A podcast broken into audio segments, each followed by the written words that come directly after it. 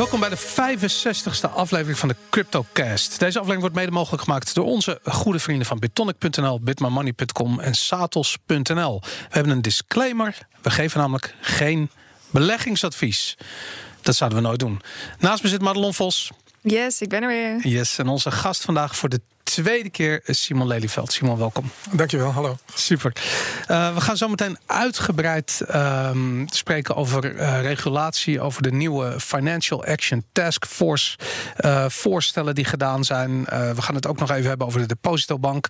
Um, jij, laten we zeggen, jij zit in de loopgraven van de, van de regelgeving als het gaat om de bankensector, de financiële sector. En um, ja, dat is uh, op dit ogenblik actueler dan ooit. Uh, maar daar gaan we straks over praten. Laten we beginnen met het, uh, met het nieuws. Um, Madelon, heb jij meegekregen dat er een 51% aanval is geweest op het Bitcoin Cash netwerk? Ja, ik hoorde het, maar ik hoorde ook dat bijna niemand dit uh, had opgemerkt. En het heeft volgens mij ook wel eventjes geduurd voordat dit uh, naar buiten kwam. En uh, het heeft bijna niks gedaan met de koers. Dus, ja. ja, nou, de, de, al die dingen zijn heel opvallend. wat er aan de hand was, um, er blijken toen op, op het moment dat de fork plaatsvond van Bitcoin. En, en dat Bitcoin eigenlijk, Bcash eigenlijk wegforkte van Bitcoin. Um, toen uh, zijn er wat, uh, ja, is er wat onduidelijkheid geweest over SegWit coins. En um, zijn er dus transacties geweest in het Bcash-netwerk die door iedereen geclaimd konden worden. Mm -hmm. dat gebeurde op een gegeven moment okay. door één specifieke mining pool. En direct daarna, twee blokken daarna, sprongen twee andere mining pools in dat gat. Uh, dat waren uh, eh, BTC.com en uh, eh, BTC.top. En die hadden bij elkaar op dat ogenblik 51% van dat netwerk. En die deden een soort deden een reorg. En maakten die laatste twee um, blokken die gemined waren eigenlijk ongedaan. Mm -hmm. En zorgden en namen weer bezit van die coins. Dus het is net op het laatste moment goed gegaan, als ik het zo begrijp. Ja, nou ja, dat hangt van wat je definitie van goed gegaan. kijk, het feit dat dit kan, is natuurlijk insane. Ja, dat is niet de bedoeling. Het feit dat er twee partijen die waarschijnlijk een appgroepje open hebben, die bepaalde adressen in de gaten houden, uh, uh, kunnen opstaan en direct op het moment dat er iemand een transactie uitvoert, die transactie kunnen, uh, kunnen terugdraaien. Ja. ja. dat is insane. Ik bedoel, het hele doel van, van cryptocurrencies is dat transacties niet teruggedraaid kunnen worden. Mm -hmm. Nou weten we inmiddels dat ja, de hashing power van, van relatief kleine coins zoals Bcash natuurlijk niet genoeg is om echt veiligheid te garanderen. Uh, maar dit is, dit is wel heel extreem. Ja, dit is behoorlijk fors. Uh, en dat daar daadwerkelijk vanuit de Bcash community niet echt reactie op geweest is, vind ik ook wel een beetje raar. Uh, er is niet echt een Bcash community. Dat klinkt heel raar. Dus er zijn absoluut mensen die speculatief heel erg betrokken zijn bij het project. er zitten een paar mensen zoals Roger Ver en Gian Woody. Ja, hier in Amsterdam is de community nog relatief groot. Als ik het, Met een handvol mensen. En die, die hebben zoiets van, nou ja, uh, die, die zullen het misschien uh, brengen als een, uh, als, als, als, als een soort van ja, dat het net goed gegaan is, wat jij net ook al zei. Eigenlijk van iemand probeerde coins te stelen. En deze twee heldhaftige mining pools zijn in de bres gesprongen en hebben een chain reorg gedaan. Um, kijk, op het moment dat er een chain reorg plaatsvindt, dat is nooit goed nieuws. Het, het hoort natuurlijk niet te gebeuren. Het hoort niet te gebeuren. En het feit dat het kan, geeft alleen maar weer dat een netwerk ontzettend kwetsbaar is. Ja. Um, dat het ook geen effect heeft gehad op de prijs, zegt ook iets over de verwachtingen die beleggers uh, hebben bij Bcash. Ja, daarom. Zou, uh... Mensen zitten daarin voor de speculatie en niet zozeer voor uh, zijn niet op zoek naar store value of, of een nieuwe munt, wat Roger Ver zelf de hele tijd zegt dat het een nieuwe vorm van cash is. Uh, dat kan natuurlijk niet. Weet je, ik bedoel, je kunt niet transacties terugdraaien als je ze cash doet. Dus ja, Bcash wat dat betreft, het is gewoon een pijnlijk verhaal. Ja. Dan kwam het nieuws langs dat um, um, de dienst Local Bitcoins, kennen jullie dat? Ja. Ja? Simon, heb je daar ooit van gehoord? Ja, ik denk het wel, maar uh, je moet me toch wel een beetje helpen. Het, het, is, het is eigenlijk een dienst die het mogelijk maakt om uh, fysiek, uh, een, of laat ik zeggen, een Bitcoin-transactie te doen met iemand die je niet kent en niet vertrouwt. Dus bijvoorbeeld in levende lijf ontmoeten ergens. en het biedt een soort escrow-dienst. Dus jij maakt daar wat geld naar over en wat Bitcoin. En je leert elkaar in de kroeg kennen of misschien op een forum. En je besluit die transactie te doen. En local Bitcoins, die, um, um, ja, die helpt je dan om een soort escrow escrow-dienst uh, op te zetten. Ze staan juist bekend om het feit dat de transacties met contanten worden gedaan. Dat kan ook, ja, dat kan ook inderdaad. Maar anyways, die, um, zij hebben besloten om niet langer hun diensten aan te bieden in Iran. En dat uh, heeft alles te maken met de, um, de sancties die in Iran zijn opgelegd door Amerika. Um, ja, ik denk dat uh, wat dat betreft de mensen die achter lo local bitcoins zitten, uh, toch liever niet de gevangenis in draaien. Ja. en dat, um, ja, dat is terug voor de Iraniërs die niet in het bezit zijn van fatsoenlijke VPN-software. Wat ik me dan afvraag, is die prijs van bitcoin dan ook enorm gestegen in Iran? Want dat is een, een compleet geboycotte markt waarbij er bijna niks naar binnen en naar buiten gaat. Het zou wel heel interessant zijn om te zien wat daar dan daadwerkelijk gebeurt. Ook bijvoorbeeld met goud en zilver. Hoe dat uh, wordt omarmd ja, in nou, zo'n land. Ik, ik zou het niet weten. Ik weet wel dat uh, um, goud uh, behoorlijk gereguleerd is in Iran. Mm -hmm. um, bij mijn weten is er één Iraanse bitcoin exchange. Um, en ik weet niet of daar wild gebruik van gemaakt. Ik kan me wel voorstellen dat local bitcoins populair is in, in Iran. Net als dat bijvoorbeeld in Venezuela is. Ja. Ja, hoe dat er precies op de grond uitziet, ik heb eigenlijk geen idee.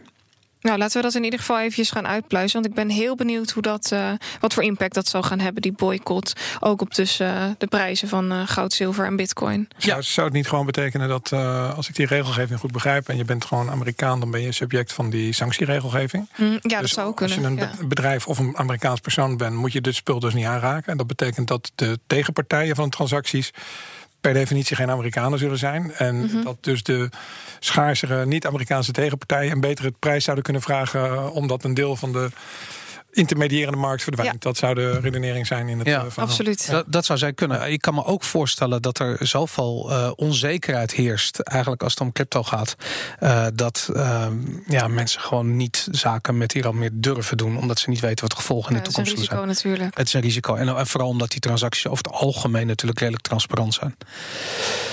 Um, ik zie dat jij uh, JP Morgan nieuws hebt. Ja, ik had een uh, grappig nieuwtje over JP Morgan. Natuurlijk staat JP Morgan er nog steeds onbekend dat ze in 2017 riepen dat de Bitcoin een fraud was. Ja. En daarna in 2018 gaven ze aan dat de Bitcoin geen intrinsieke waarde had.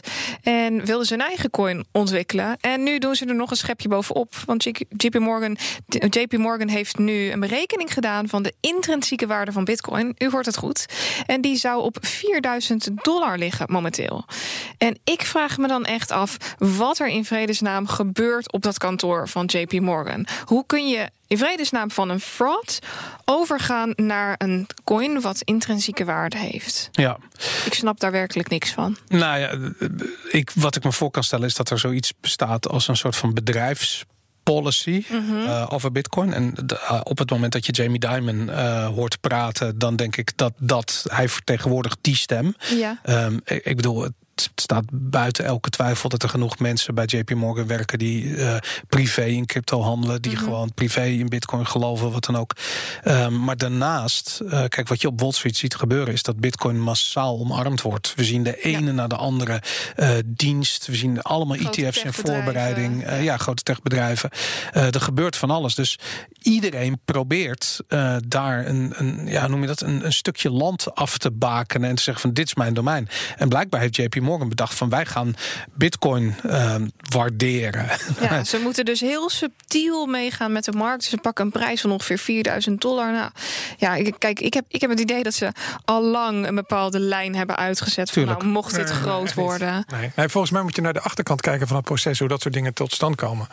Uh, want, je, want je behandelt JP Morgan als één entiteit. Ja. Dat is het niet. Het is gewoon een hele grote bank. Mm -hmm. Er zit één, uh, één baas. Nou, die loopt dan weer naar links, dan weer naar rechts. Daaronder heb je allerlei bloedgroepen. Daar heb je de tech, de bloedgroep, de economen bloedgroep. Allerlei verschillende bloedgroepen zitten binnen de JP Morgan. Allemaal te vragen om aandacht van de baas. Mm -hmm. Afhankelijk waar ze oor ligt, tettert hij het een of het ander. Dus je kunt er een heel consistent verhaal omheen bouwen. Maar dat moet je niet doen. Het is gewoon een organisatie waarin Ajax ruziet met Feyenoord, met Utrecht en whatever. Ja. En toevallig wie boven komt of het laatste bier gedronken heeft met de topbaas, die heeft de dag daarnaast een, een, een quote in, in de krant. Waarop ja. iedereen aan de buitenkant gaat proberen uit te leggen wat is hun filosofie. Ja, ja weet je, er zijn gewoon, ga ervan uit dat dat er, dat er verschillende uh, afdelingen lekker bezig zijn. En datzelfde geldt voor regelgeving, maar dat geldt voor JP Morgan ook. Het zijn gewoon verschillende afdelingen die maken keihard ruzie met elkaar. En af en toe roept de baas het ene van de ene afdeling, dan weer die van de andere afdeling. En of er een echte visie onder zit, ja, wie weet. En of het echt daadwerkelijk waar is, dat moet je je dus niet ook te veel, maar afvragen. Uh, niet veel inlezen, ja. Dat, dat, dat, uh, uh, het, het probeert niet een consistent verhaal te maken. Het als gewoon achter de schermen iedereen over elkaar stuitert van, uh, van hovelingen politiek, zeg maar. Ja. Ja, hey, maar dan hebben zij nog bedacht dat Bitcoin blijkbaar uh, intrinsieke waarde heeft. Uh, hoe, hoe ziet die formule eruit, Madelon? Oh, dat, dat, daar heb ik me niet in verdiept. Maar in principe heeft intrinsieke waarde te maken met wat het kost om een bepaald product. Ja, elektriciteit. Ja, ja, bijvoorbeeld ja. Uh, bij goud en zilver zijn dat de, de schepjes en, en de mankracht wat het kost. En dan krijg je een bepaalde prijs voor een bepaald product om het rendabel te maken. Om het in ieder geval break-even te laten spelen. En dat zou dus in de vorm van, zoals Simon al zegt, elektriciteit zijn uh, bij Bitcoin. Het rare is dat uh, uh, als je dat op die manier benadert, dan ga je eigenlijk voorbij aan de waarde die is opgebouwd door de, de afgelopen tien jaar. Dus kijk, elke, elk hm. blok wat gemined wordt, is niet een op zichzelf staand blok wat 12,5 bitcoin oplevert. Maar elk blok is een klein beetje extra security bovenop ja. de uh, blokken die al gemined zijn de afgelopen tien jaar. En die, dat hele netwerk in zijn totaliteit geeft die waarde uh, weer, of is een weergave van die waarde. De prijs is eigenlijk een weergave ja. van de waarde van, van al die geminde blokken. Het is dan niet meer de kostprijs, maar dan heb je puur een soort van uh, veiligheidsprijs die er bovenop komt. Zo zou ik dat dan zien. Nou, als, je, als je naar de uh, elektriciteitskosten uh, kijkt van het minen van één blok, dan mhm. zou je kunnen zeggen van nou ja, dat kost X en dat is duur of dat is goedkoper, whatever. Um, maar als je ziet van ja, maar dat is niet het dat is niet wat het kost om één blok te minen. Dat is wat het kost om het netwerk um, uh, te beveiligen in zijn totaliteit. En niet alleen de transacties die in dat ene blok zitten, ja. maar alle transacties Samen. tot aan dat ene ja. blok, tot en met dat ene blok. En dat, uh, als je dat op die manier benadrukt, dan is uh, uh, dat energieverbruik komt in een heel ander licht te staan. En ik weet niet of zo'n intrinsiek. Ik bedoel, het voelt een beetje alsof je vrijheid van meningsuiting een soort intrinsieke waarde wil meegeven. Weet je, dat is een lastige ja. overweging. Maar je kan het ook andersom draaien. Je kan ook zeggen: kijk, als, als overmorgen nog maar gewoon 10 miners over zijn van Bitcoin dan daalt die waarde. En ja. dan, dan heb je al die, die hele historie, ja, die doet er niet toe. Want die tien die doen samen een, een 60% attack. En wegwaarde van, van bitcoin is die waarde ook weer verdampt. Dus ja. jouw argument staat alleen bij gratie van het feit dat je ervan uitgaat dat er ook in de toekomst nog steeds heel veel miners zijn. Maar als, als we een Bcash variant overname hebben in de bitcoin domein, omdat er te weinig mining uh, is, om wat voor reden dan ook. Ja, maar dat kan, dat kan iets tijdelijk zijn. Hè? Dus ik wil in het geval van Bcash waren dat maar twee blokken ja. uh, die ja. gereorgd werden. Dus uh, dat is niet de volledige uh, lengte van de chain die opnieuw gemined maar wordt. hoe zwak als mijn mining uh, capaciteit heel zwak is en makkelijk over te nemen, dan, dan verdwijnt daarmee ook de, de ja, kracht dan, uit het oude netwerk. Ja, als de difficulty naar beneden gaat, dan zou je kunnen zeggen: het is goedkoper om te minen, het is goedkoper om het netwerk te beveiligen. Ja, nou goed, oké. Okay. Ergens in, in dat uh, domein zal Mooie die discussie plaatsvinden. Absoluut. Ik zag nog, Marlon, ik weet dat jij een fanatiek gebruiker bent van OKCoin of Okcoin. Ja. Um, een Chinees inmiddels. Um, een, een, exchange uit Maleisië. Um, die hebben een nieuwe dienst geïntroduceerd. Die gaan een full-fledged exchange worden, waarbij je ook marge kan traden. -hmm. En daar hebben we het ooit wel eens over gehad in het verleden. En toen zei van, nou, dat doe ik echt niet. Nee, nog steeds niet. En dat ga je nu ook niet doen, nu ze dat... Uh... Nee, nee, ze hebben het uh, al langer onder de naam OKX. Ja. Uh, OKX, ik weet niet precies hoe je het uitspreekt. En dat gaan ze dus nu samenvoegen. Okcoin en OKX worden één partij, om het zo maar te zeggen. nee, dat gebruik ik nog steeds niet. Ik vind dit ook nadelig, omdat dit meer risico, voor meer risico zorgt op een exchange. Kijk naar een Bitmax, die heeft een veel groter risico om om te vallen dan een reguliere exchange waar je alleen bitcoins kan kan aankopen en kan verkopen. Ja. Dus uh, ik ben niet zo heel erg blij met deze zet. Maar uh, mensen die goed zijn in, uh, in margin trading, die, die kunnen hier behoorlijk veel geld mee verdienen. Maar weet ook zeker dat hier enorm veel geld op wordt verloren. Margin is gewoon niet iets wat je, wat je zo even doet. Ja. En daarnaast, Bitcoin schommelt weer fors. Dus ik zie echt geen reden om dat nu te doen. Als je dat nou op het moment had gedaan waarin de volatiliteit veel lager was, dan zou ik nog zeggen, nou oké. Okay, maar of op aandelen op de, op de AX, die is ontzettend saai, die beweegt hooguit een procent per dag, dan is het oké om te doen. Maar dit risico, dat, dat zou niemand moeten nemen als je het mij vraagt. Ja, Nou, dat, dat ben ik met je eens. Ik zie overigens wel dat Binance ook iets dergelijks gaat doen. Ja, ja BitMEX heeft laatst aangekondigd dat ze 10 miljard hebben omgezet op één dag. ja. Ehm, dus het is, een, het is nogal een markt. Maar het is, een Eh, behoor, het is een behoorlijke lucht, een stuk lucht. Hè? het is casino, het is Ja. gewoon een casino. Ja, maar dat betekent niet dat er ook daadwerkelijk echt zoveel omgezet is. Alles is met, met, met lucht er extra bij gemaakt in principe. Ja, dat lucht, dat is interessant. Want de een zegt van nee, we hebben wel daadwerkelijk al die eh, bitcoins aangekocht. nee, en de andere niet. Dat weer niet. Nou ja, goed, Dat in theorie zou het natuurlijk kunnen. Maar goed, oké, whatever. Dat, eh, dat, dat zullen we nooit echt weten natuurlijk. Ehm, Even kijken, wat hebben we nog meer? Eh, ik zag op Twitter nog het een en ander voorbij komen. Ehm, misschien een leuk nieuwtje voor de gebruikers van TradingView. Is dat ehm, Plan B, eh, de Ja. Nederlandse ehm, valuta-specialist, investeringsspecialist. zijn stock-to-flow, inmiddels beroemde stock-to-flow multiple indicator, heeft toegevoegd aan TradingView. Dus je kunt hem in TradingView bekijken. je- stock-to-flow indicator had te maken met de schaarste die optreedt. En op basis daarvan heeft hij dus een, eh, een indicator gemaakt waarop te handelen valt. En eh, hij zweert hierbij. En wat was zijn berekening ook alweer waar de koers van Bitcoin naartoe ging? Uh, nou, hij berekent de stock-to-flow en, hij, en doet dan een uitspraak over bepaalde targets Ja. van Bitcoin. Hij zegt dat Bitcoin in uh, 20, bij, bij de volgende, na de volgende heffing, dat is dus volgend jaar, een indicatieprijs van 50.000 of 55.000 dollar heeft. Ja. Maar dat is een prijs, daar zegt hij bij, die kan twee tot vijf keer over, overshoot worden. Dus, Ja, dus door alle fear of missing out. En dergelijke. Daarom. En dan vervolgens krijgen we een correctie naar ongeveer 50% van die targetprijs. En dat is eigenlijk het, het, het, het- ja, de, het patroon wat we de hele tijd zien herhalen. En wat er interessant aan is, is dat zijn, zijn theorie natuurlijk stamt uit assets zoals olie en, en zilver en goud en dat soort assets. Waarbij op het moment dat de prijs van een bepaalde asset class omhoog gaat, dan wordt er meer gemined, komt er meer op de markt, gaat de prijs weer naar beneden. Ja. Nou, dat verhoudt zich op een bepaalde manier tot elkaar. Dat heet stock to flow. Ehm, maar bij Bitcoin eh, weet je gewoon nu al tot in 21.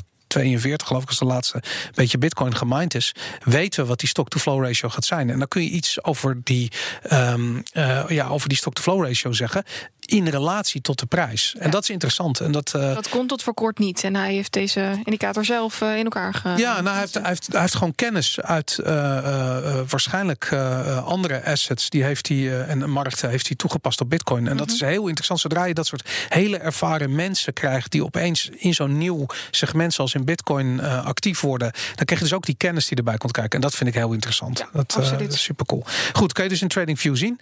Ehm, Een en- nieuwe all-time high zag ik. Eh, ja, voor Bitcoin-adressen die tenminste 0,1 Bitcoin eh, vasthouden.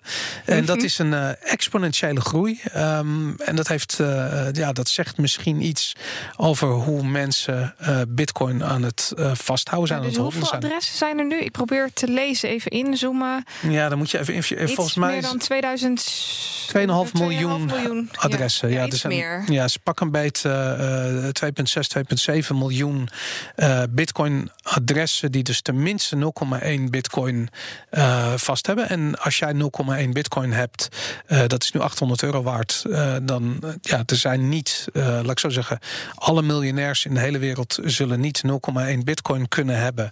Eh, zo weinig Bitcoin zijn er. Mhm. Ja. Dat, is, dat is schaarste. Mensen snappen schaarste niet. Maar dat, dit, soort, dit, soort, dit soort statistieken zijn, zijn wat leuk. Fantastisch. Ja. Goed. ehm, we hebben nog een nieuwtje natuurlijk over de Financial Action Task Force. Ehm, eh, daar gaan we zo meteen uitgebreid over praten. Maar eh, Simon, even in het kort. Eh, wanneer heeft deze uitspraak plaatsgevonden? En wat is de Financial Action Task Force precies? Oké, als we teruggaan naar onze vorige uitzending, dat was in oktober ergens, hè, bij het tienjarig bestaan van Ja. uh, Bitcoin White Paper.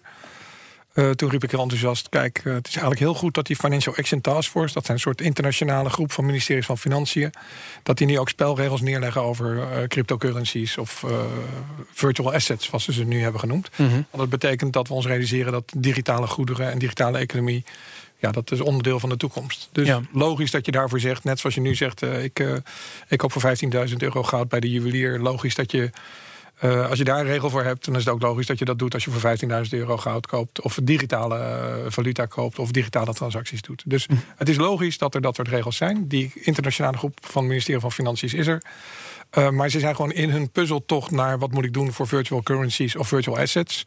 Uh, te ver gegaan in, in hun daadkrachtigheid. En dat heeft een hoop. Uh, maar nog even terug naar de, wat de Financial Action. Het is een organisatie Ja. die in opdracht van de Verenigde Naties, heb ik begrepen, is opgericht ooit in de tijd om een bindend advies te geven aan een bepaalde groep landen uh, met betrekking tot hun regels uh, voor financiële transacties en bankieren. Zeg ik dat goed? Uh, ja, of het in opdracht van de Verenigde Naties is. De, de kern van de structuur is dat ministeries van Financiën, uh, het zij door direct lidmaatschap, het zij door indirect lidmaatschap via een soort uh, groepsconstructie, maar dat eigenlijk alle ministeries van Financiën ter wereld bijna zitten in datzelfde schuitje en besluiten hoe gaan we in ons land maatregelen nemen. Uh, dus op internationaal niveau formuleren ze aanbevelingen en ze spreken af als wij het op internationaal niveau geformuleerd hebben, zullen wij het op lokaal niveau uitvoeren. Ja. En de, de term virtual assets slash currencies. Wat moet ik me daarbij voorstellen? Uh, ja, daar stond uh, in die toelichting op, op zo'n notitie. Er zijn twee soorten definities. Maar in een toelichting uh, van, van datgene waar ze een brug te ver gaan. Daar mm -hmm. staat virtual assets, dat zijn. Dus eigenlijk is het alles wat niet in financiële regelgeving staat. Ja. Dus als het een betaalmiddel onder de financiële regelgeving is, dan is het, dan is het dat niet. Mm -hmm. Maar het is dan wel property, proceeds, funds, funds or other assets or other corresponding value. Dus vastgoed, cryptocurrencies, als ik, alles als van ik mijn fiets waarde? digitaal heb gemaakt uh, en ik geef mijn fietssleutel digitaal aan jou in een appje, en dan heb ik volgens mij een virtual asset transfer gedaan. Want heb ik het eigendom van mijn fiets aan jou overgedragen. Dan sta je met, je, met jouw app bij mijn fiets. En ja. dan, dan, hebben wij al een virtual asset transfer gedaan. Want virtual is totaal iets anders dan digitaal. Uh, virtueel en digitaal, daar zit mijn inziens behoorlijk verschil tussen. Virtueel is iets wat uh, bijvoorbeeld in een game plaatsvindt. Uh, betalingen binnen een game blijven binnen die economie. En digitaal kan ook een euro of een dollar zijn die online staat. Dat is hoe, hoe het mij geleerd is, in ieder geval. Uh, Oké, okay, als, je het, als je het neemt vanuit, vanuit de ontstaansgrond van de definities. Ja. Ze zijn gestart met virtual currencies. Dat was eigenlijk een soort de verzamelnaam voor bitcoin en wat daarbij hoort. Ja. Daar is het waar het vandaan komt. Voor virtual currencies geldt alles wat niet een officiële valuta is. Mm -hmm. Maar als je virtual currencies dan opeens doorvertaalt naar, maar ik wil de rest van de wereld er ook mee pakken, alle soorten van goederen en transacties, dan, dan zeg je virtual assets. Maar wat, wat zeg je dan? Maar virtual currencies, zijn dat dan ook currencies in, in World of Warcraft? Dat, die zou je zo ook uh, kunnen, kunnen beschouwen. Ja, absoluut. Maar, maar of loyaltypunten. Ja. Loyaltypunten zijn ook virtual currencies. Het is ontzettend ja. raar, toch? Ja, het, wat ik zo interessant vind eraan is dat het zo duidelijk is dat het een organisatie is die zich gedwongen voelt een uitspraak te doen over iets wat nog lang niet uitgekristalliseerd. Ja, het is nog niet. Ja, inderdaad. Dat is, uh, nou goed, daar gaan we zo meteen uitgebreid over praten. Uh, ik, voordat we dat doen, wil ik nog heel eventjes uh, stilstaan bij de prijs. Absoluut. Ehm, Madelon? Daar kan ik heel kort over zijn. Ja. We hebben een, een hele sterke weerstandslijn rond de 8800. We hebben het over de prijs van bitcoin, hè, van ja, de duidelijkheid. Ja, precies. De prijs van bitcoin rond de 8800 zit een hele sterke weerstandslijn. En we hebben nu support rond de 8500 nou, 90 om en nabij. En uh, ik ben eigenlijk best wel positief, want we zijn opwaarts uitgebroken uit die driehoek waar ik het vorige week over had gehad. Uh, die kans was ook relatief groot, ondanks dat er behoorlijk wat shorts uitstonden. Dus er ontstond een squeeze waardoor de koers omhoog gepusht is en bijna het target heeft geraakt. Dus uh, vanuit hier moet opnieuw een patroon worden gevormd. We zitten nu in een, in een, ja, in een zijwaartse trend, zoals je dat dan noemt.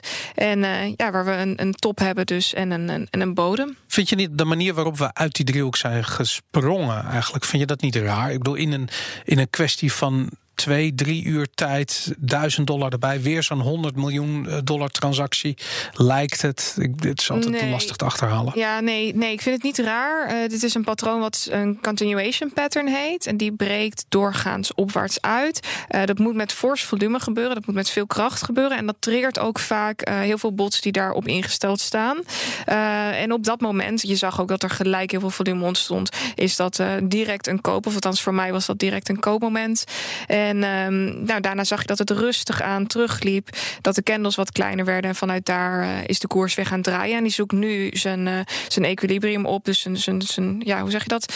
Um, zijn zijwaartse trend. En vanuit daar kunnen we zien welke kant hij dan gaat kiezen. Uh, dat vind ik op dit moment lastig in te schatten. Kan ik eigenlijk niks over zeggen. Oké. Okay. Nou goed, dat, we houden het in de gaten in ieder geval. Zeker. Nog eventjes uh, de mededeling dat wij genomineerd zijn voor een podcast award. Yes. De, um, je kunt stemmen op ons. Dat kan op www.podcastaward.nl.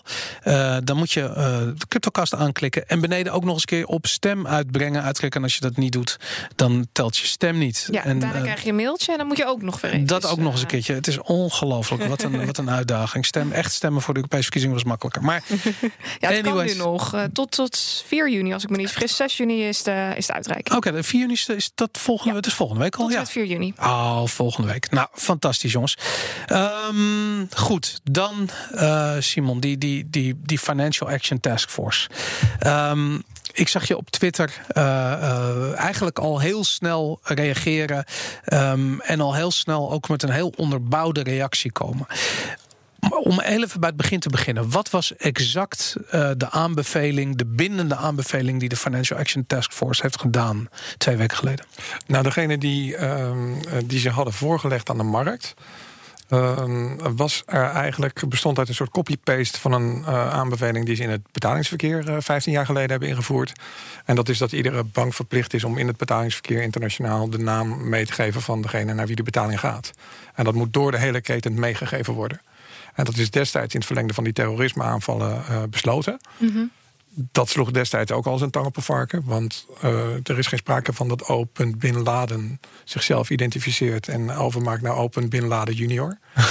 dus, dus er is geen sprake van dat, dat, dat je daarmee enig, enig effect bereikt. Maar het was een, een goed gekozen strategie van de Amerikaanse opsporingsautoriteit om te zeggen: wij willen gewoon eigenlijk al die data hebben. Want dan hoeven we niet naar Europa of naar allerlei landen toe om te weten wat er gebeurt. Maar wacht even, dit gaat over SWIFT, toch? Dat, dit gaat over SWIFT, over betalingsverkeer. En als je die ja. mechaniek, als je die kopieert naar virtual currencies of breder virtual assets, we hadden het net even over die definitie, mm -hmm. dan betekent het dat voor als ik mijn digitale fiets aan jou geef, dat ik dan uh, en stel dat er nog twee, twee bedrijven tussen zitten in, in een blockchain, zeg maar, dat we dat in die transactie van mijn digitale fiets die ik aan jou geef, dat ik mijn naam neerzet, jouw naam, dat dat in de transactie wordt bewaard, opgeslagen en dan komt bij jou komt dan mijn, niet alleen mijn digitale fietssleutel, maar je ziet dat die van mij afkomstig is en er zijn twee partijen ertussenin die dat ook allemaal zien. En iedereen in de keten wordt verplicht om dat uh, persoonsgegevens lekkende deurtje te bouwen uh, en te gebruiken voor alle transacties, zeg maar. Ik, ik, toen ik dat las, ik had zoiets van ja. Het, laat ik zo zeggen, ik, ik weet niet eens zo goed waar ik moet beginnen. Ik bedoel, de, um, los van de praktische onmogelijkheid van het proberen te implementeren van dat soort technieken. Uh, maar als je het gewoon hebt over van hoe gaat dit systeem, hoe ziet dit systeem er nou eigenlijk uit? Op dit ogenblik is het zo dat uh, de FBI, um, uh, wat een Amerikaanse opsporingsdienst is, die actief is, in principe met een Amerikaans oogpunt, vanuit een Amerikaans oogpunt. Ze, ze zijn intern bezig. Ze doen wel onderzoeken buiten Amerika, maar gericht op bedreigingen binnen Amerika. Um, zij hebben de volledige toegang tot alle financiële data uit Europa op dit ogenblik. En dat komt dankzij de manier waarop data moet worden gedeeld met partners. Ja. En nu willen ze dat. En dat weten we niet, want dat is een wettelijke verplichting namelijk. Ja. Dus dan hoef je niet aan de consument te vragen: wil je dat? Want die heb gewoon geen keus. Hoe kan ja. het dat wij dat als consumenten helemaal niet weten? Hoezo is hier nog nooit eerder gewacht van gemaakt? Nou, als je heel goed je voorwaarden van je bank leest en een aantal dingen volgt, dan kun je achterhalen dat dit valt onder het kopje uh, wettelijk verplichte opgave. En dan ja. staat erbij opgave uh, op verzoek van justitie of anderszins. En dit, dit schaart dan daaronder. Dus ja, dit, dit, is, dit is verstopt in de van het betalingsverkeer. Uh, het gebeurt als een standaard gegeven. Uh, binnen Europa mag je dan uh, alleen met nummertjes werken. Dus mm -hmm. binnen Europa is een soort constructie dat in principe een bank, een ontvangende bank, desgevraagd het naam te weten kan, kopen, uh, kan, kan komen. Maar je hebt dan ook nog in Europa banken die zeggen: ja, zo de niet erop. die al die navraag heb ik geen zin in. Ik, ik gooi toch allemaal persoonsgegevens naar die bank in Spanje. Ja. En dus heb je allerlei verschillende smaken. Maar dat, om, omdat er een wettelijke vlag is.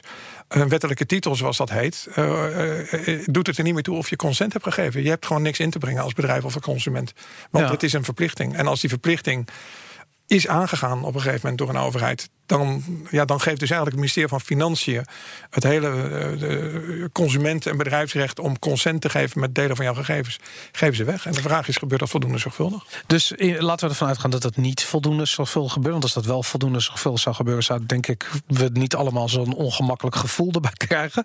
Um, de, enige uitzondering op die regel is, zijn natuurlijk cash transacties. Ik bedoel, als ik jou een tientje geef, dan zijn we allebei niet verplicht om die transactie te melden uh, bij een of andere ik dienst. Ik ook jouw naam niet op dat tientje te schrijven. Nee, daarom inderdaad. Dus dat, dat, is eigenlijk. Maar wat, wat zien we? Nog niet. Nog niet, inderdaad.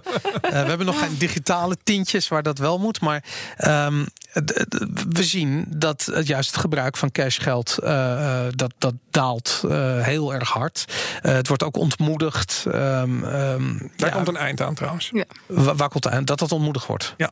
Ja, je ziet nu in Zweden de centrale bank zeggen: oh, stop, het is genoeg. Ja, volgens mij is dat een, dat heeft Peter Hielkema namelijk ook gezegd. Ja, uh, ja, toen ja, het is al een beetje klaar. We zijn wel, we ze, moeten, zijn, ja. ze zijn nu op zoek naar andere manieren om toch het uh, cashgeld te kunnen behouden en om daarnaast een andere manier in te voeren, zodat er alsnog iets van negatieve rente of uh, iets van inflatie alsnog mogelijk is om de economie aan te wenden, om het zo maar te ja. zeggen. Cashgeld dus, krijgt een soort aparte status dan of zo. Ja, bijvoorbeeld. Um, dan eventjes naar die uitspraak met betrekking tot cryptocurrencies. Met bitcoin bijvoorbeeld. Um, uh, ik heb begrepen dat hun uitspraak in de praktijk dus gezien moet worden. Um, uh, op het moment als jij een exchange bent of een custodial partij. Dus een partij die cryptocurrencies aanbiedt of opslaat voor klanten. Op het moment dat die uh, cryptocurrencies verstuurd worden naar een bepaald adres, naar een extern adres, dan moet de persoon van wie dat adres is, moet bekend zijn bij de versturende partij. Uh, en dat moet gemeld worden. Heb ik dat goed? Uh, ja, dat heb je op zich goed. Alleen dat bekend zijn van die persoon, dat kan ook een opgave zijn. Dus dat hoeft niet per se een verificatie te zijn. Dus, dus ik, ik, meld als het ware in het equivalent. Ik meld van, nou, ik ga van deze wallet overboeken. En dan moet mijn uh, provider vragen naar wie dan. En dan zeg ik nou naar Piet Puk. Ja. En dat is nu genoeg? Nou ja, dat is dan de vraag: is dat genoeg of moet het nog verder gecontroleerd worden? Maar in principe uh, geldt ook als je dat internationaal overboekt, dan zit daar geen, uh, geen aanvullende controle, controle bij. Dus, dus die naam kun je als gegeven dan even accepteren en meesturen. Mm -hmm. Ja, en voor wie, voor, voor welke partijen geldt dat? Nou, het punt is dat de discussie lijkt iedere keer over bitcoin en cryptocurrencies te gaan. Maar de discussie gaat over virtual assets.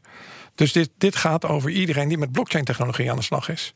Of met een distributed ledger. Want die definitie van virtual asset is zo breed dat als jij met een digitale waarde transporteert van A naar B, ja. dat je die privacy backdoor moet inbouwen. Maar en, en hoe, uh, ik, ik probeer eigenlijk de scope van de gevolgen van de uitspraak te. Uh, stel, jij bent een, uh, weet ik, een spijkerbroekfabriek en je hebt een soort van supply chain, blockchain oplossing, ik zeg maar wat.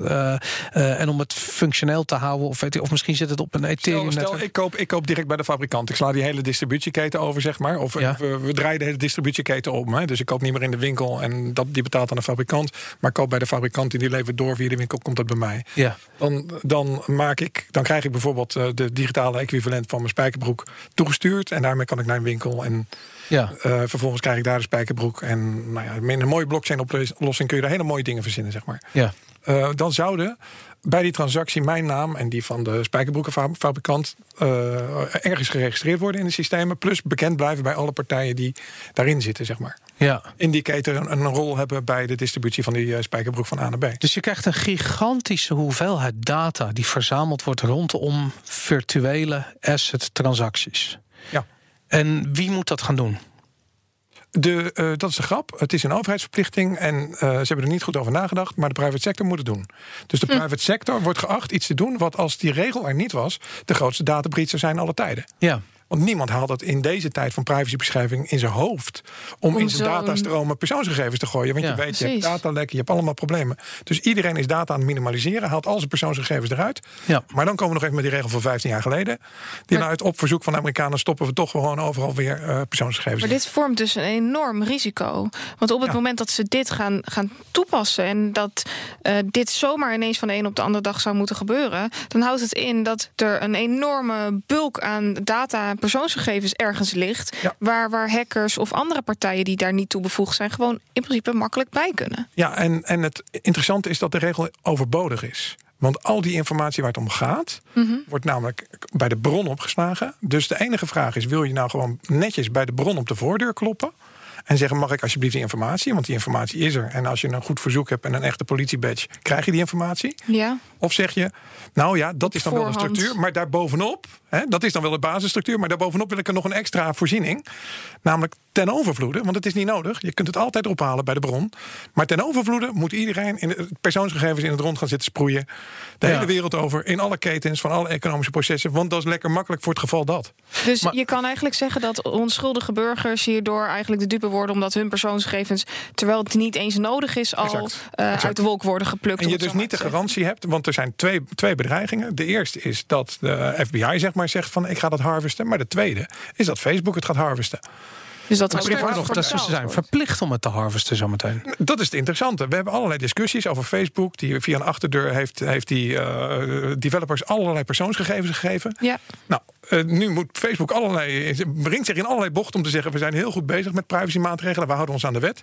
Nou, weet je, het volgende wat ze doen is, is ze zeggen: nou, onze Facebook-coin is eigenlijk een virtual asset. En iedere keer als we die overboeken, Ja. moeten we daar de persoonsgegevens aan toevoegen. Ja, sorry, ja, we, we zouden heel wel. graag ons houden Ja. de privacyregels. Maar ja, pech, we moeten we dat wel toevoegen. Dus, dus je, je geeft private partijen een, een perfecte tool. Want, want je, je verzint gewoon een of andere cult virtual asset die nergens over gaat. Ja. Eh, dus je zegt, ja, hier word je geacht erbij te stoppen. En vervolgens heb je de toestemming om al die persoonsgegevens de hele wereld over te slingen. Naar iedereen die het maar wil. En denk je dat dit ehm, een bedreiging vormt voor de, voor de industrie, eh, de, de, de, crypto-industrie? Ik bedoel, iedereen is en zijn moeder is bezig met het verzinnen van blockchain-toepassingen eh, en, en, en het starten van coins. En, ja, Ja. ja, de reden dat ik me zo'n zorgen maak is dat de definitie zodanig breed is dat het niet eens meer de vraag is: gaat het over Bitcoin of virtual currencies? Dit is een zo, zo onzinnig brede definitie dat het iedereen raakt die straks digitale representaties van handelsverkeer heeft. Denk je dat ze dat zelf doorhebben, dat het zo ver gaat? Nee, want dan kom ik weer terug op mijn eh, James Diamond eh, redenering. Je- Je moet kijken naar het productieproces van deze regelgeving. Dus er zitten allemaal goed bedoelende ambtenaren van het ministerie van, Amst- eh, van Financiën... die allemaal te weinig tijd hebben. Dus daar zitten er zeg een pak een beetje 40 in een, in een zaal, in een hele grote vergaderzaal. Nou, dan kun je sowieso natuurlijk al geen discussie voeren. Dan krijg je een presentatie waarin je bang gemaakt wordt. Dus dan krijg je een paar hele enge beelden van eh, terrorisme-aanslagen... en dan een heel groot Bitcoin-logo. En om die reden moeten we deze regel aannemen. Ja. Nou, Ja, je hebt er niet genoeg verstand van om door te vragen. Nu is geloof ik zelfs bij, dit, bij deze discussie nog wel doorgevraagd in die vergadering. Van ja, ho ho, we hebben wel facts nodig. Maar in de kern van de zaak is het aantal mensen dat werkelijk aan de knoppen zit bij deze definitie zeer klein. En die overigen zitten er een soort, als een soort communistische stempelmachine in. Kijk naar boven, wat zegt mijn baas? Kijk naar de buren, wat zeggen die? Nou, het klinkt logisch. Kijken niet naar de industrie. Nou, begin van het jaar gingen ze toch eens een proefballonnetje oplaten in de sector van wat vinden jullie hiervan? Nou, er kwam zoveel zoveel, ja, dezelfde ontsteltenis als die wij hebben, die kwam terug dat, dat iedereen in dat verband dacht: oh, eh, misschien is het toch wel een kiezeltje in de schoen. Laten we een consultatie doen. Nou, prima. Dus dan vraag je aan de markt: wat vind je ervan? Nou, die markt die geeft gewoon een hele grote onvoldoende. Zegt onwerkbaar. Kijk naar de privacyregels. Kijk naar dit, kijk naar dat. Dit moet je niet doen. En vervolgens eh, heb je weer die, die, zeg maar, die kleine groep frontrunners binnen dat bureaucratisch regime. Die eigenlijk zeggen: ja, maar onze opdracht is duidelijk. Wij kunnen niet thuiskomen eh, zonder een hele stevige maatregel. Dus we gaan ons hier geen bal van aantrekken. Dus die, dus die hele consultatie, zo'n hele tweedaagse sessie in Wenen, waarbij private sector allerlei dingen mocht, mocht roepen. Waarbij ze expres dan de mensen die voor het idee zijn uitnodigen op het podium. De mensen die tegen het idee zijn nauwelijks aan het woord komen. Dus je krijgt een hele geconstrueerde setting. eh, En, en nou, de, de, de private sector had de zaal nog niet verlaten. Of op de vergadering daarna, een dag later, zei ze: ah, niks aantrekken. Ja, we passen een beetje. eh, eh, deze regel blijft hetzelfde. Natuurlijk komt er nog toelichting. Succes, mensen, en ga ermee aan de slag. Dus dat, dat is eigenlijk. ehm, eh, er is heel veel consternatie. Er is niet geluisterd naar de ministeries van Financiën. Er is zo'n kleine groep. Eh, spelbepalers binnen zo'n bureaucratisch forum dat, dat die kant uit duwt, gecombineerd met een machtsperspectief. En ondertussen zitten er dan 40 of 80 ambtenaren met een publieke opdracht om de consument te beschermen, afweging te maken van maatschappelijke belangen, om hun parlement netjes te informeren. Maar ja, die hebben thuis ook 100 dossiers.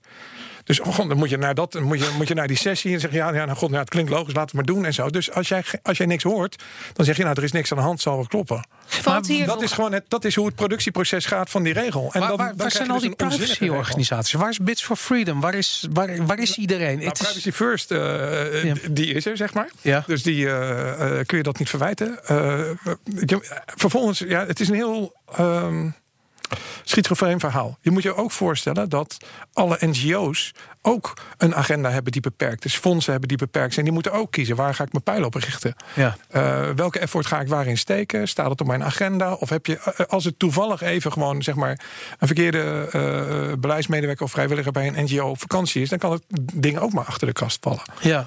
Nou ja, dat, dat geldt eigenlijk voor alle spelers in de, in de keten. En als je kijkt naar de parlementariërs, dan kun je zeggen: Nou, minister van Financiën heeft aan de Kamer gezegd: Nou, dit gaat over girale betalingen. Nou, technisch gezien heeft hij de Kamer verkeerd geïnformeerd. Ja. Het ging niet over girale betalingen zoals gedefinieerd in de PSD2. Ja. Het ging over virtual asset transfers. Dat is iets heel anders, namelijk de rest van de economie.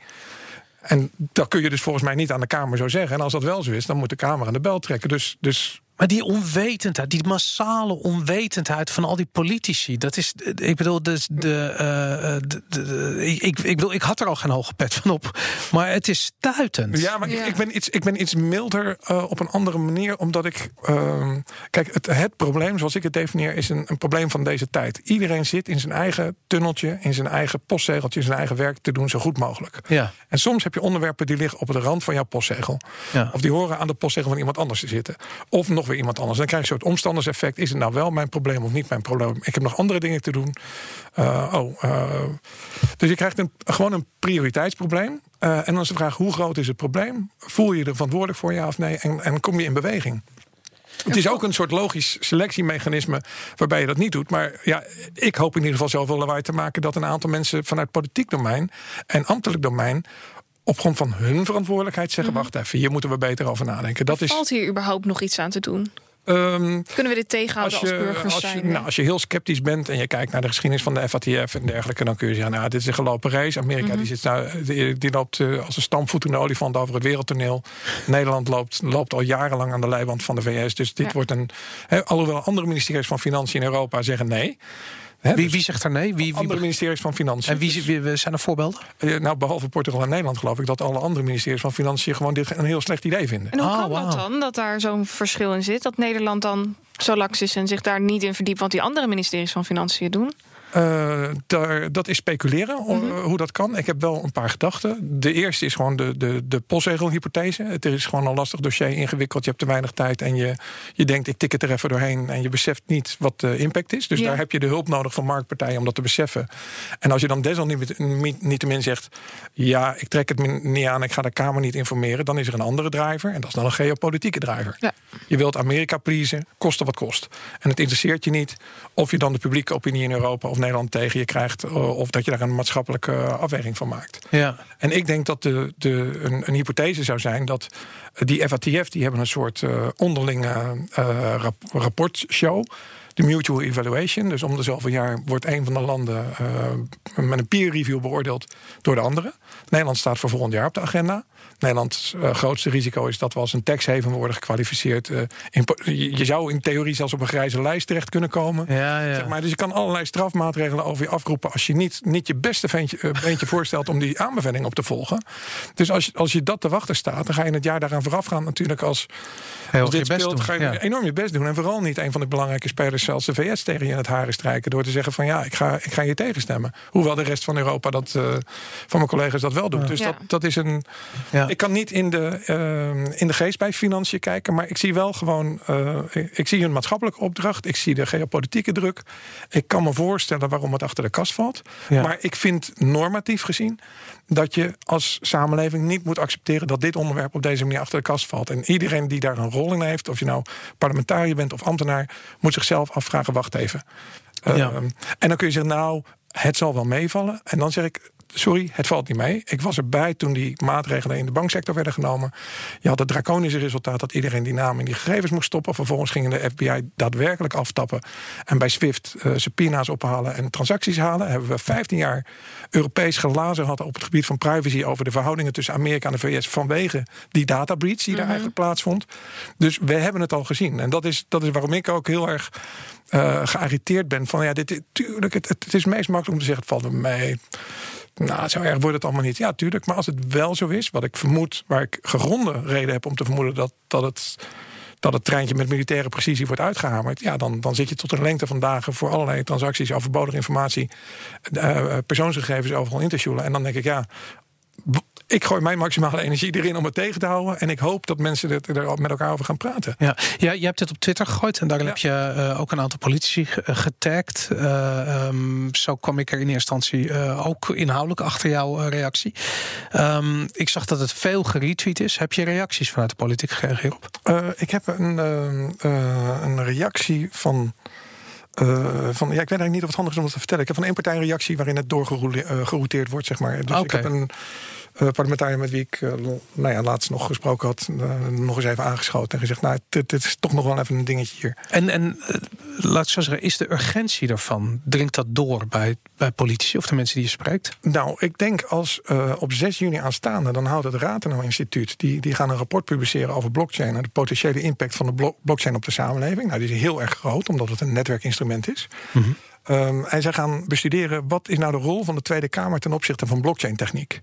En moet de Kamer iets doen om het te stimuleren of moet ze iets doen om negatieve effecten bij te stellen? En dit valt volgens mij precies in de categorie dit is een negatief effect van de blockchain-techniek. Als je namelijk iedereen die een blockchain maakt verplicht om een privacy-lek in te bouwen en te gebruiken voor elke transactie, ja. dan bouw je gewoon. Uh, dan moet je even naar China kijken wat je daarmee kan doen. Ja. Met surveillance technologie. Dan, dan bouw je gewoon de Stasi van de toekomst. In digitale zin verplicht je gewoon mensen om blockchains te bouwen als instrument voor overheden of als instrument voor, uh, voor kwaadwillende private partijen. Ja. Als je kijkt naar, uh, naar grote bedrijven, um, uh, een voorbeeld wat me te binnen schoot was dat op een gegeven moment, ik denk een maand of drie geleden, in Australië alle techbedrijven gedwongen werden om in Australië um, ontwikkelde technologie te voorzien van een backdoor, zodat de Australische overheid toegang had ja. tot de data die werd opgeslagen. Nou, vervolgens zie je een, een lobby ontstaan vanuit de Googles, vanuit grote datacenter. Amazon was erbij aangesloten.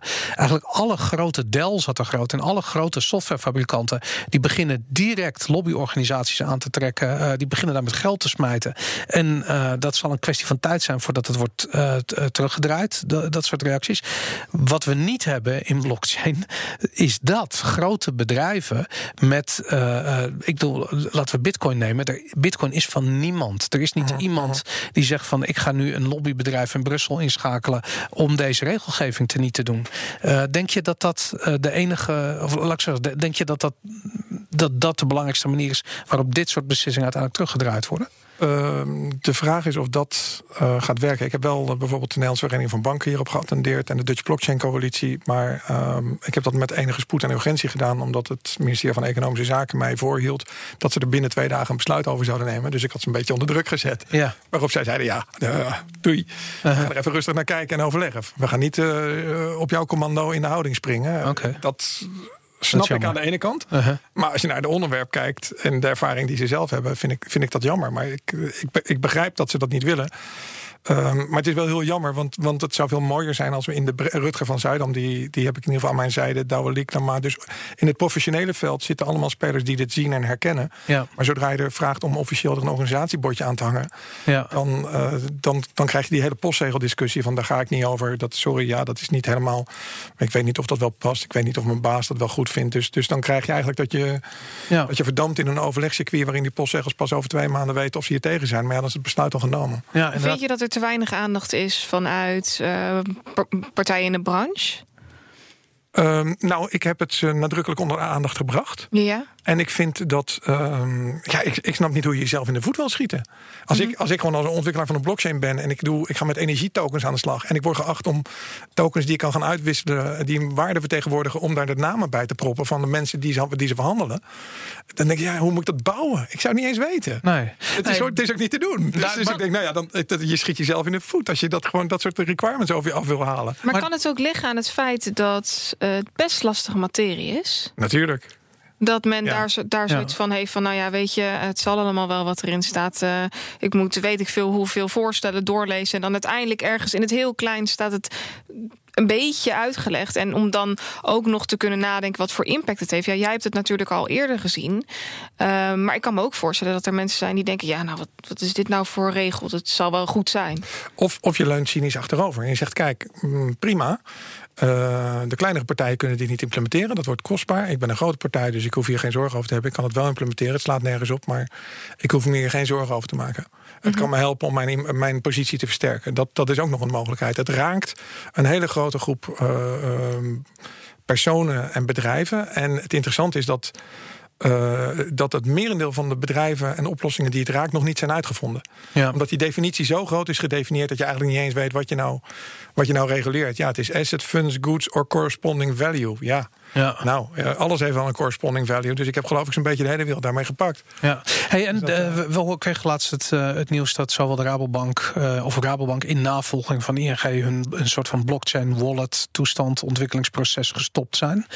wat het ook was, weten we niet precies, maar er ging eigenlijk alleen maar verhalen over. Denk je dat dat um, eigenlijk deze um, ja, dat, dat dit soort regelgeving daar een rol in speelt? Dat ze eigenlijk zien van ja, wacht, de, de, die custodial partijen die worden zo meteen echt, die komen echt tussen de wal en schip te zitten? Nee, juist niet. Ik denk ook dat ze daar een vergissing maken. Oké. Mm. Want als je kijkt naar de feitelijke vraag aan de uh, kant van klanten die vermogen hebben, dan is dat gewoon regel dat voor mij. Ja, natuurlijk. Dat, is gewoon de, de vraag die, die uh, zeker die high-end banken met, met vermogende klanten uh, hebben al variaties daarvan aan, aan vragen in hun in een portfolio zitten. Um, het kan alleen zijn dat dit niet het juiste moment is, of dat je uit de risico-oogpunt, omdat we natuurlijk die hele integriteits discussies in het bankwezen hebben, dan moet je gewoon op dit moment dat gewoon niet willen. En dan zeg je, nou, ik laat die markt lopen. Ja. Maar als iedereen om me heen overal uh, miljoenen boetes krijgt uh, wegens integriteit, ga ik dit even niet opzoeken. Ja. Dus ik snap het op de korte termijn wel. Ik vraag me af of het op lange termijn klopt. Want iedere investeerder die zijn portfolio wil, die, wil diversificeren, heeft een hele goede reden om te zeggen, nou, ik voeg er een cryptocurrency aan toe. Of, een, of ik, ik stap in bepaalde, nou ja, in, ja. bitcoin of iets anders. Dus.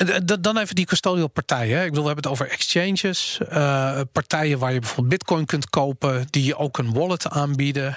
Um, uh, dat, is, dat is let ook wat Bitmar Money doet bijvoorbeeld. Uh, Bitonic, onze andere sponsor, die, waar jij overigens ook werkzaam voor bent, af en toe freelance heb ik begrepen. Ja. Um, dat, um, die, die, die hebben natuurlijk ook een exchange. dat soort partijen, wat, wat staat hun te wachten? Um, ja, dat, dat varieert eh, per partij en afhankelijk, uh, dat hangt een beetje af van het businessmodel.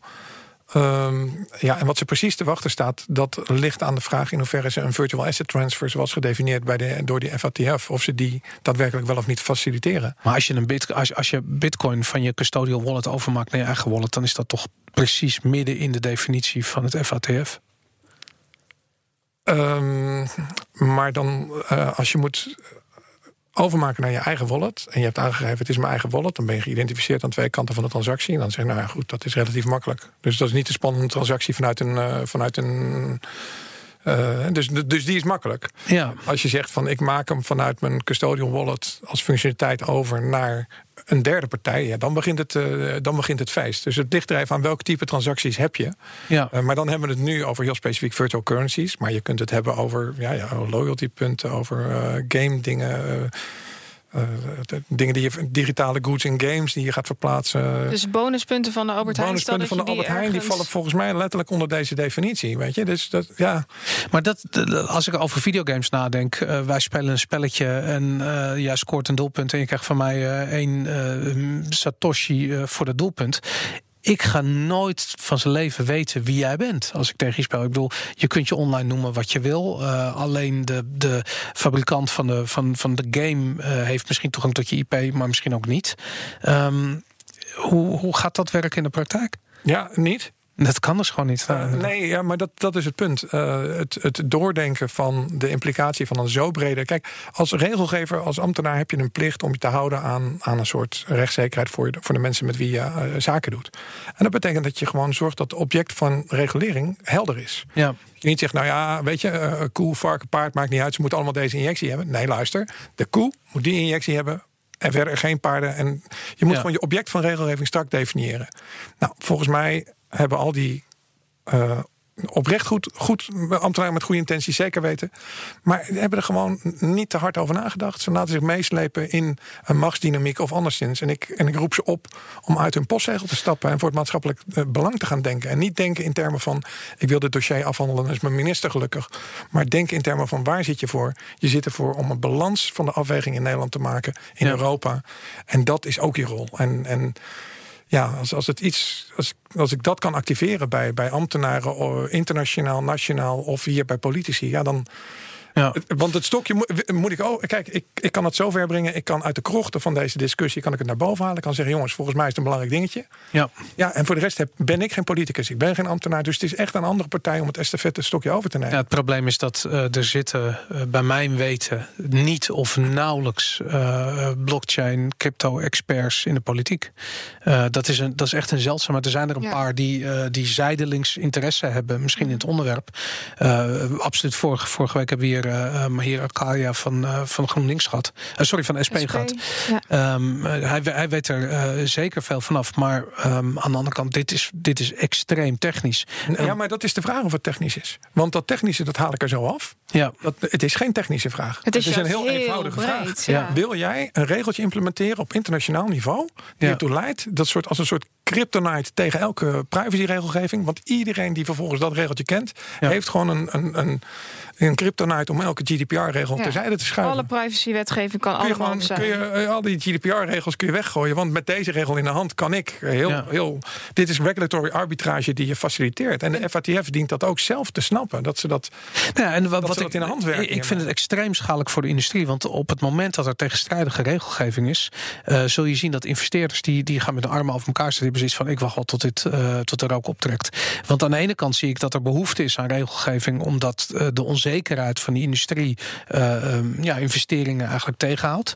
Um, dus iedere investeerder die zegt verder is regelgeving, die zal het toejuichen. Aan de andere kant, wat er nu gebeurt, is ja, onwerkbare regels die tegenstrijdig zijn ten opzichte van privacyregels. Het, het, lastige is ook dat bij deze regel, hij wordt soort op internationaal niveau afgesproken. En doorgaans duurt het dan vier à vijf jaar voordat hij indaalt naar de lagere regionen. Okay. Dus je kunt ook nog altijd die urgentie eraf halen en zeggen: ja, maar nu is het nog niet, dus je hebt er nu nog geen last van. Mm -hmm. Maak je geen zorgen. Hè? Dus dat haalt dat gevoel van urgentie weg. Maar als die regel met keiharde militaire precisie erdoor geduwd wordt op al die niveaus, ja. Ja, dan hebben we nu dus eigenlijk alleen maar over een heel urgent probleem wat over zeven jaar pas actueel wordt. Maar dat neemt, dus dan kun je zeggen, nou, dan heb ik nog zeven jaar tijd om een business te runnen. Maar hè, dus, dus op allerlei mogelijke manieren krijg je tegenbeweging van het valt er mee. Ach, het is pas over zeven jaar. Oh, je krijgt nog een implementatiehandleiding erbij. Zal allemaal wel, denk ik dan. Uh, het gaat erom dat je als je nu die spelregels zo, zo breed neerzet, uh, better safe than sorry, dan moet je gewoon even nee zeggen. Ja, en wat ik me nog zelf zat af te vragen, kijk, dit gaat, uh, deze regelgeving die is van toepassing op partijen die vallen onder dat financiële, onder die financiële paraplu. Dus dat zijn partijen die bijvoorbeeld die financiële transacties aanbieden die een. Nou, dat, dat, is, dat is dus de vraag, want die FATF is van het ministerie van Financiën, die zouden zich moeten beperken tot financiële regelgeving. Ja.